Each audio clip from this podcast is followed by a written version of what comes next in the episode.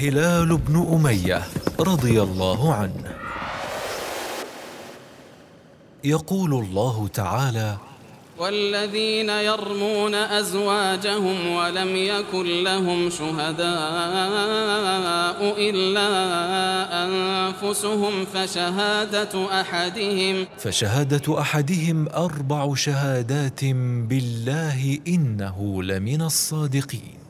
نزلت هذه الآية كما قال ابن عباس رضي الله عنهما في هلال بن أمية رضي الله عنه الذي قذف امرأته عند النبي صلى الله عليه وسلم بشريك بن سحماء. فقال النبي صلى الله عليه وسلم البينة أو حد في ظهرك. فقال هلال بن أمية والذي بعثك بالحق إني لصادق. ولينزلن الله في أمري ما يبرئ ظهري.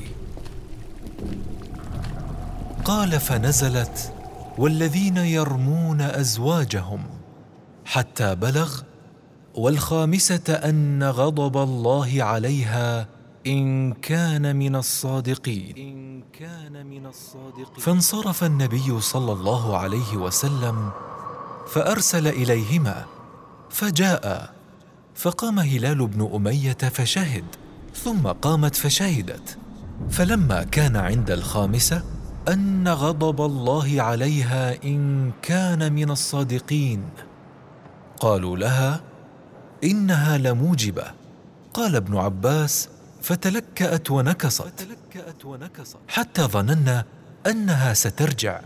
فقالت والله لا أفضح قومي سائر والله لا أفضح قومي. سائر اليوم. أعلام نزل فيهم قرآن.